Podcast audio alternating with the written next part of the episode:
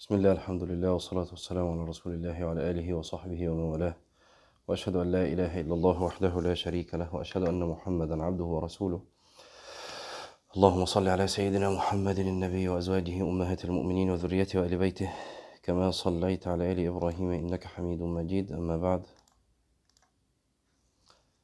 يقول ومن عبوديات الحمد شهود العبد لعجزه عن الحمد وأن ما قام به منه.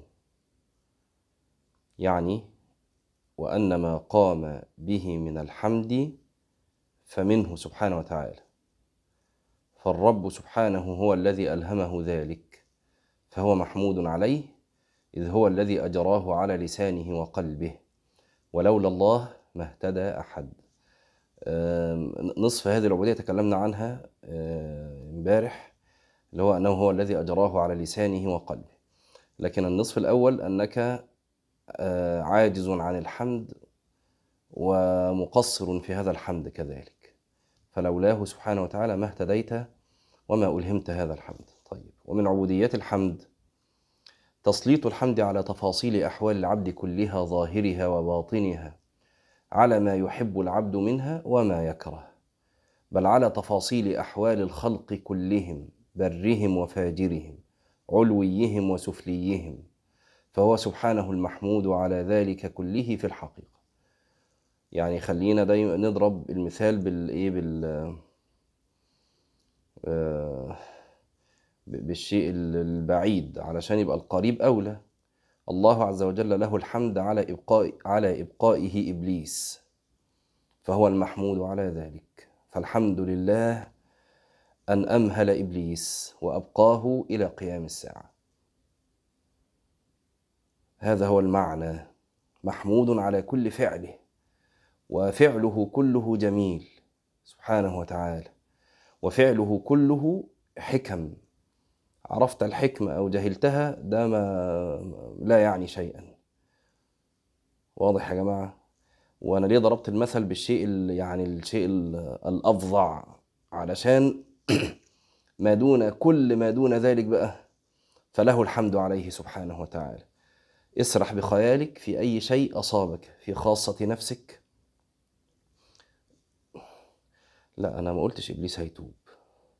أنا بقول إمهال إبليس من حيث كونه فعل الرب سبحانه وتعالى هو تمام الحكمة. ف ف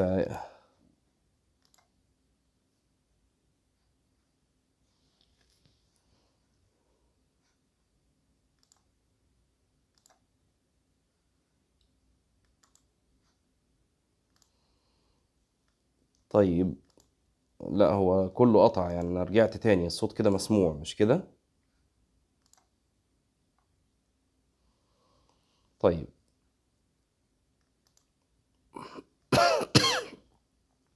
فاحنا بنقول يا جماعة أن مش بقول إن إبليس هيتوب. بنقول إن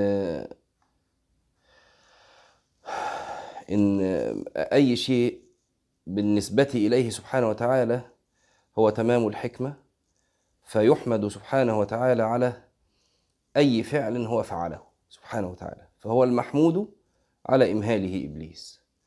وعلى ذلك بقى فقس. كل ما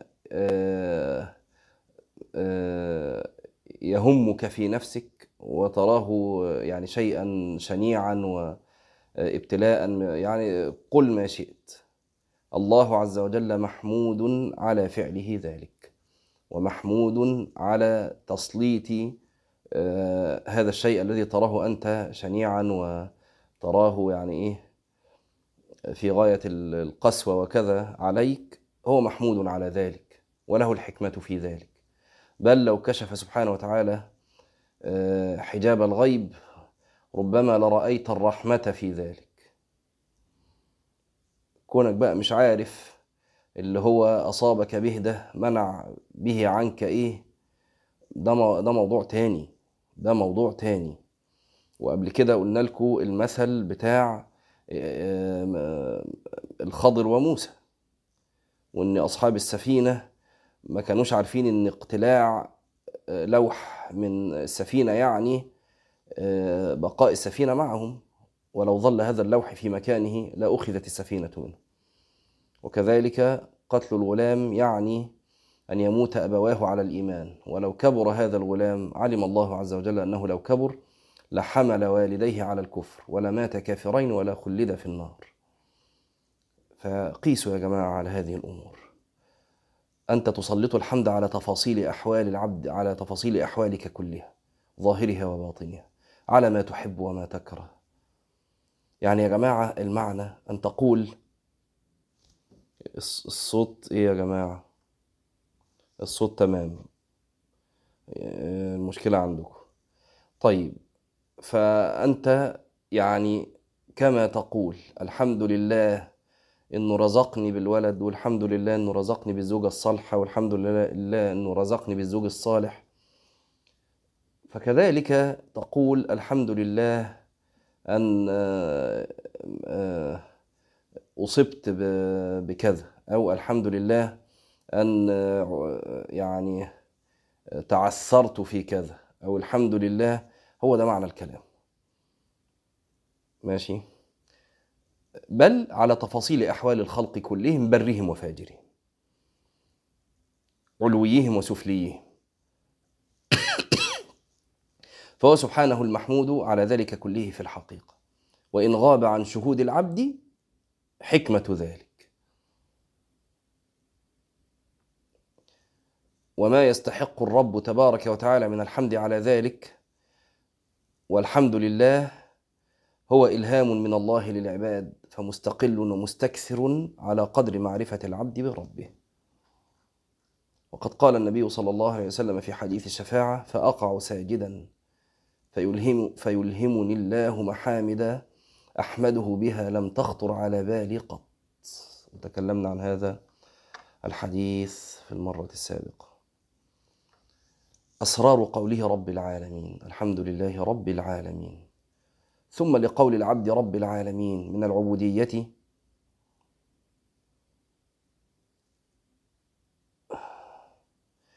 آه، شهود تفرده سبحانه بالربوبية وحده وأنه كما أنه رب العالمين وخالقهم ورازقهم ومدبر أمورهم وموجدهم ومغنيهم فهو أيضا وحده إلههم.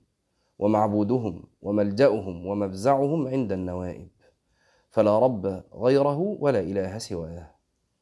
الحمد لله رب العالمين. يعني الرب يا جماعة فيه يعني عشان ما نتلخبطش الرب فيه آه، من المعاني أفعال الرب سبحانه وتعالى. والإله فيه أفعال العباد. يعني إيه؟ يعني نتكلم عن توحيد الربوبية نقول أن توحيد الربوبية هو توحيد الرب بأفعاله هو. وتوحيد الألوهية توحيد الرب بأفعال العباد فلما نيجي نقول أنه سبحانه وتعالى وحده الخالق ووحده الرازق ووحده مدبر الأمر ووحده الموجد ووحده المغني كل ده توحيد إيه؟ مين يقول؟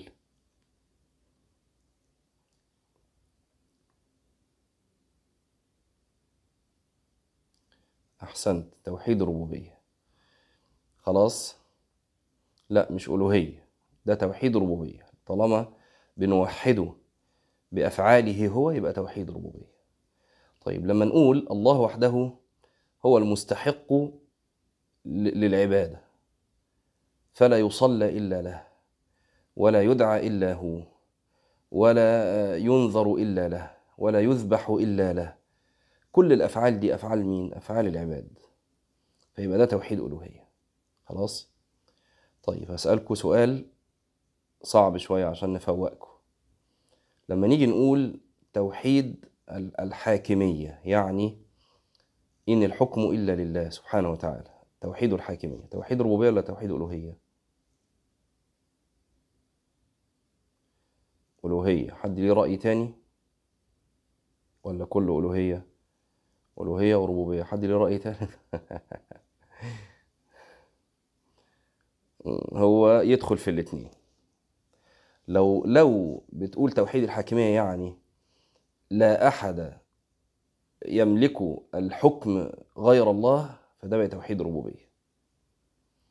ولو تقصد تقول لا أحد يتحاكم إلا له يبقى توحيد الألوهية يعني لا أن تعتقد أن الله عز وجل وحده هو الذي له حق التشريع يبقى ده في توحيد الربوبية.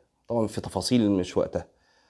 لو لو بنتكلم في إن أن الله عز وجل وحده هو الذي يرجع إلى قوله وإلى حكمه ليتحاكم إليه. يبقى ده توحيد الالوهيه فهمتوا دي؟ طيب يلا نكمل. فهو أيضا إلههم. يعني وأنت بتقول الحمد لله رب العالمين.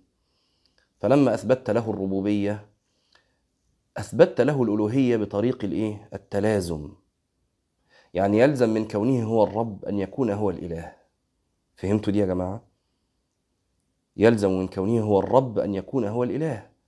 وإلا فحتى في العقل كده يعني هو الذي يخلق وهو الذي يرزق وهو الذي يدبر وهو الذي يحيي وهو الذي يميت وهو الذي يغني وهو الذي يعطي وهو الذي يمنع ثم يعبد غيره. يعني هذا لا يستقيم حتى في العقول السليمة. يعني حتى لو لم يأتي بذلك شرع حتى العقول السليمة فيلزم من كونه الرب أن يكون هو الإله سبحانه وتعالى. فهنا ابن القيم ده اللي عاوز يقوله. بيقول انت بتقول الحمد لله رب العالمين يبقى هو الرب وحده وهو الإله وحده. خلاص؟ الرحمن الرحيم. ولقوله الرحمن الرحيم عبودية تخصه سبحانه. وهي شهود العبد عموم رحمته. شهود العبد عموم رحمته وشمولها لكل شيء وسعتها لكل مخلوق وأخذ كل موجود بنصيبه منها ولا سيما الرحمة الخاصة الخاصة بالعبد وهي التي أقامته بين يدي ربه. أقم فلانا. ففي بعض الآثار أن جبريل يقول كل ليلة أقم فلانا وأنم فلانا. فإذا قمت إذا وجدت نفسك قد قمت بين يديه فاعلم أن برحمته سبحانه وتعالى قمت بين يديه. وقلنا لكم الآية ولكن كره الله بعاثهم فثبطهم وقيل اقعدوا مع القاعدين ناموا مع اللي نايمين اسهروا مع اللي سهرانين على الفيسبوك وعلى الواتساب وعلى اليوتيوب. فكونك تقوم بين يدي الله عز وجل فبرحمته تقوم. خلاص؟ طيب. قال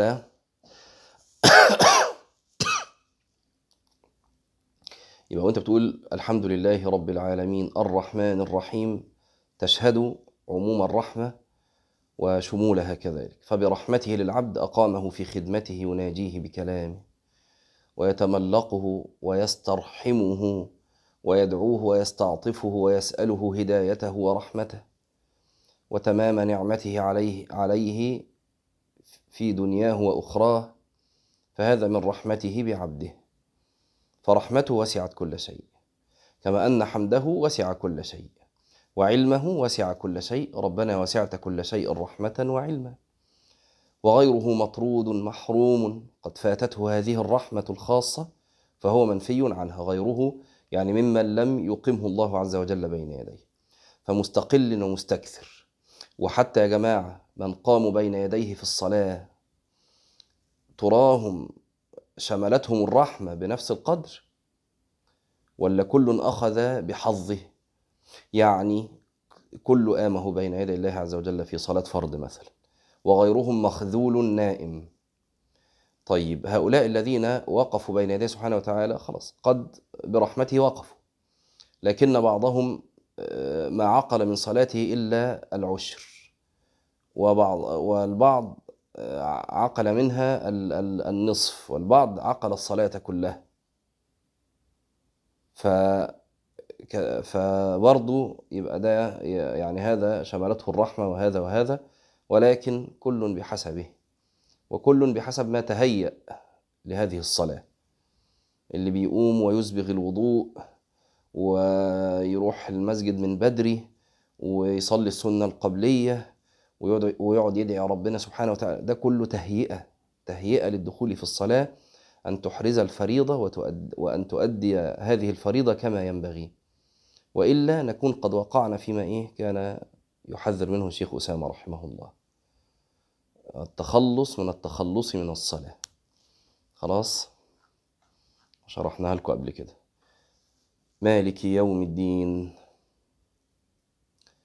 ويعطي قوله مالك يوم الدين عبوديته من الذل والانقياد. وقصد العدل والقيام بالقسط وكف العبد نفسه عن الظلم والمعاصي. الدين هنا يعني إيه؟ حد يعرف؟ مالك يوم الدين؟ محدش يعرف الدين يعني إيه؟ يوم الدين هو يوم القيامة إنما الدين هنا يعني إيه؟ كلمة الدين يعني إيه؟ أحسنتم الجزاء. مالك يوم الدين يعني مالك يوم الجزاء. خلاص؟ مالك يوم الدين. في قراءة ملك يوم الدين. إيه الفرق بين المالك والملك؟ هقولها أنا عشان لو بالكتابة هتاخد وقت. عشان نستحضر المعاني دي يا جماعة إحنا ليه بنقول الكلام ده؟ علشان تستحضر المعنيين وأنت تقرأ القرآن. فهو مالك يوم الدين وملك يوم الدين. والله عز وجل هو المالك والملك. وفرق بين المالك والملك. المالك هو المتصرف في ملكه. خلاص يعني مالك الدار ليه انه يبيعها ليه إنه يأجرها يهديها يعني يهبها لحد. هو مالك الدار. مالك واحد عنده بيت. الملك الملك هو الآمر الناهي. وقد يكون الملك ليس له الحق في التصرف. يعني رئيس الدولة أو المحافظ أو ملك مملكة أو كذا.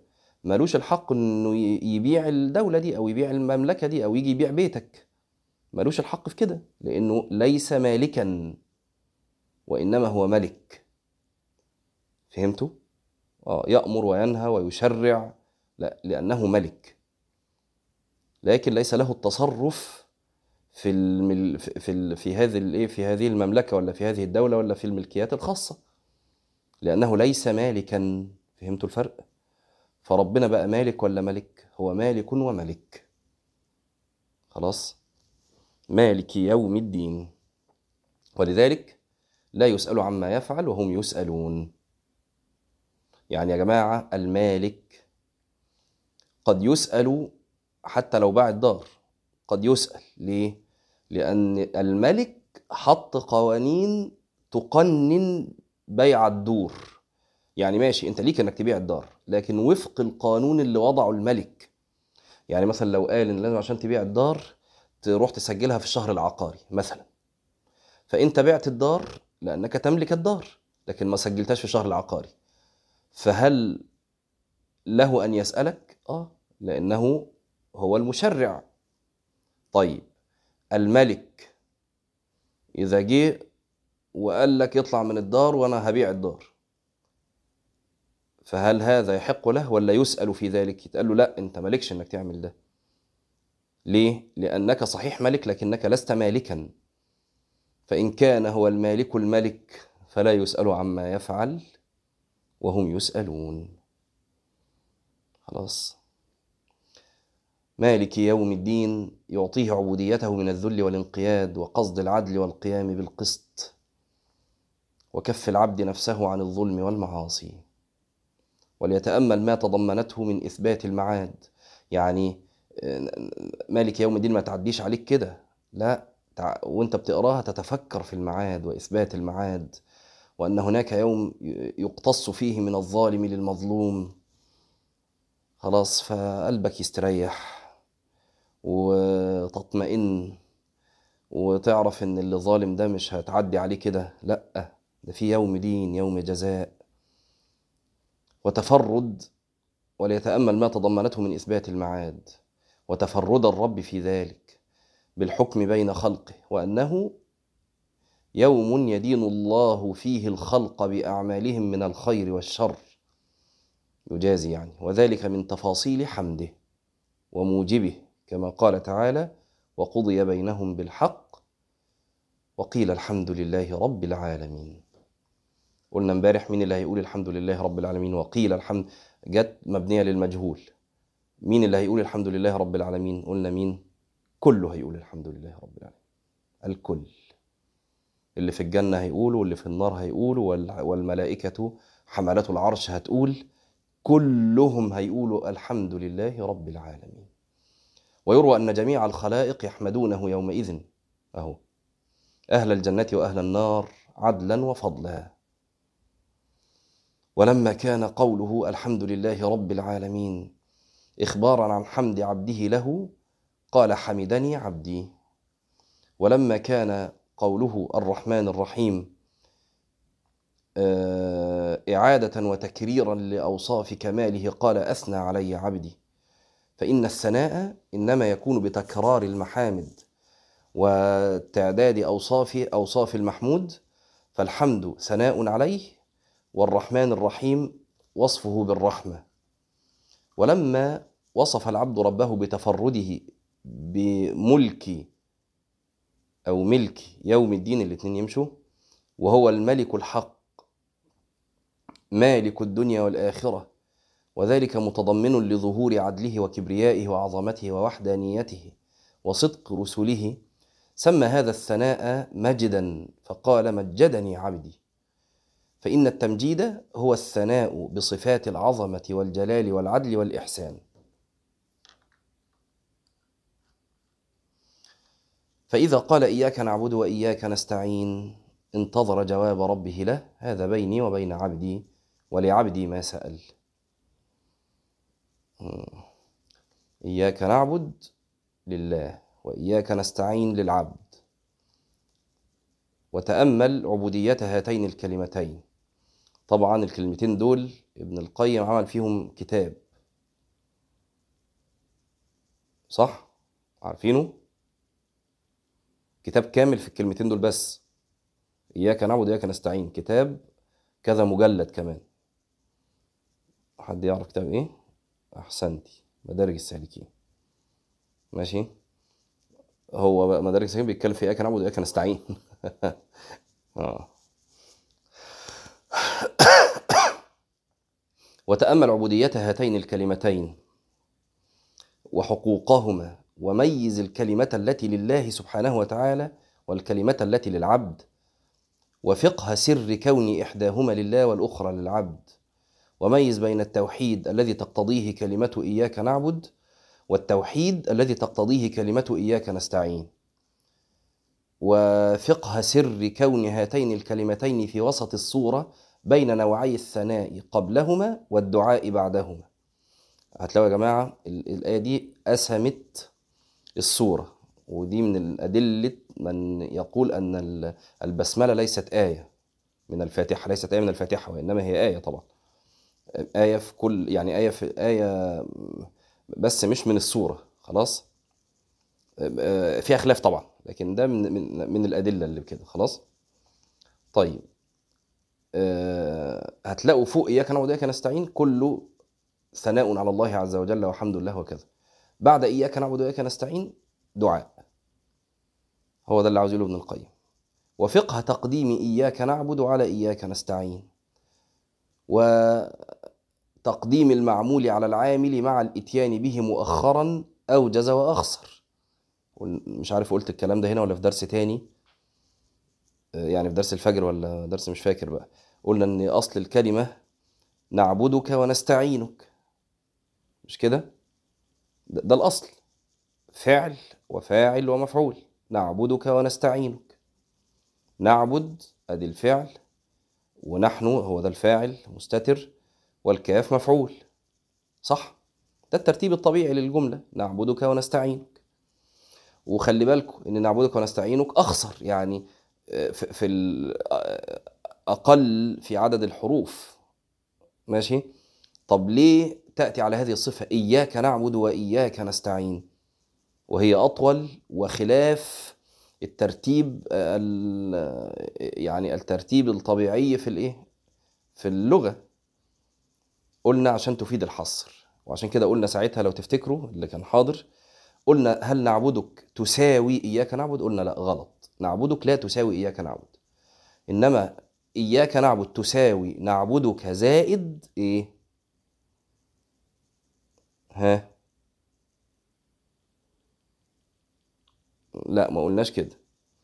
قلنا إياك نعبد تساوي نعبدك زائد إحنا بنقولها بال- بالرياضيات أهو. زائد إيه؟ يع- يعني تساوي إيه؟ نعبدك زائد لا نعبد غيرك. أحسنت يا محمد. يبقى إياك نعبد يعني نعبدك يا رب ولا نعبد غيرك. وإياك نستعين نستعين بك ولا نستعين بغيرك. خلاص؟ قال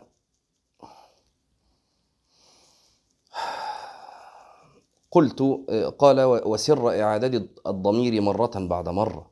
قلت أراد تقديم العبادة وهي العمل على الاستعانة. فالعبادة لله والاستعانة للعبد. فالله هو المعبود وهو المستعان على عبادته. فإياك نعبد أي إياك أريد بعبادتي. وهو يتضمن العمل الصالح الخالص والعلم النافع الدال على الله. معرفة ومحبة وصدقا وإخلاصا. فالعبادة حق الرب تعالى على خلقه. والاستعانة تتضمن استعانة العبد بربه على جميع أموره.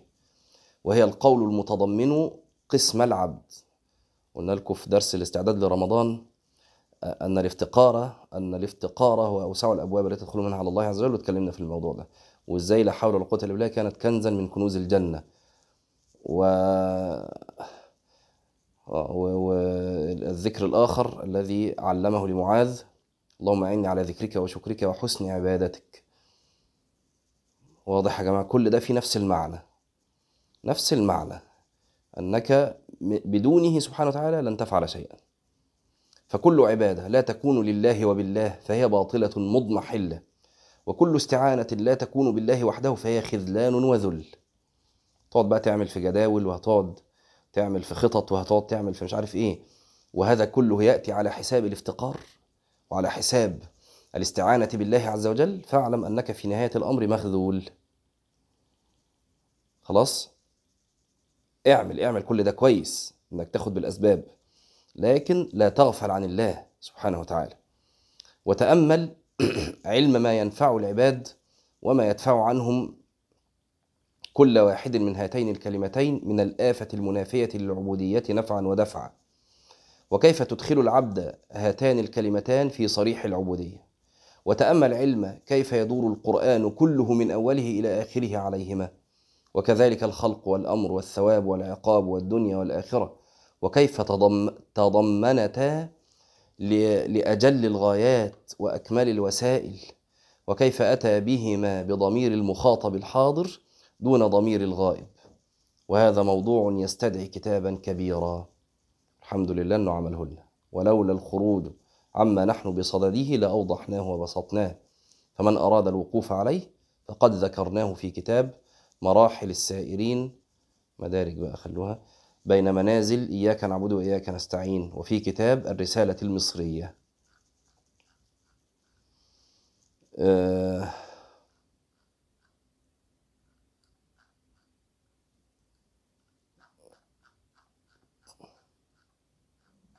طيب كل ده هو الظاهر نائل بقى. ماشي. ثم يذكر سر قوله اهدنا الصراط المستقيم. قال طيب نقف هنا إحنا كده إيه تسعة وعشرين دقيقة. قولوا قولي هذا واستغفر الله العظيم لي ولكم. سبحانك اللهم وبحمدك نشهد أن لا إله إلا أنت نستغفرك ونتوب إليك. والسلام عليكم ورحمة الله وبركاته.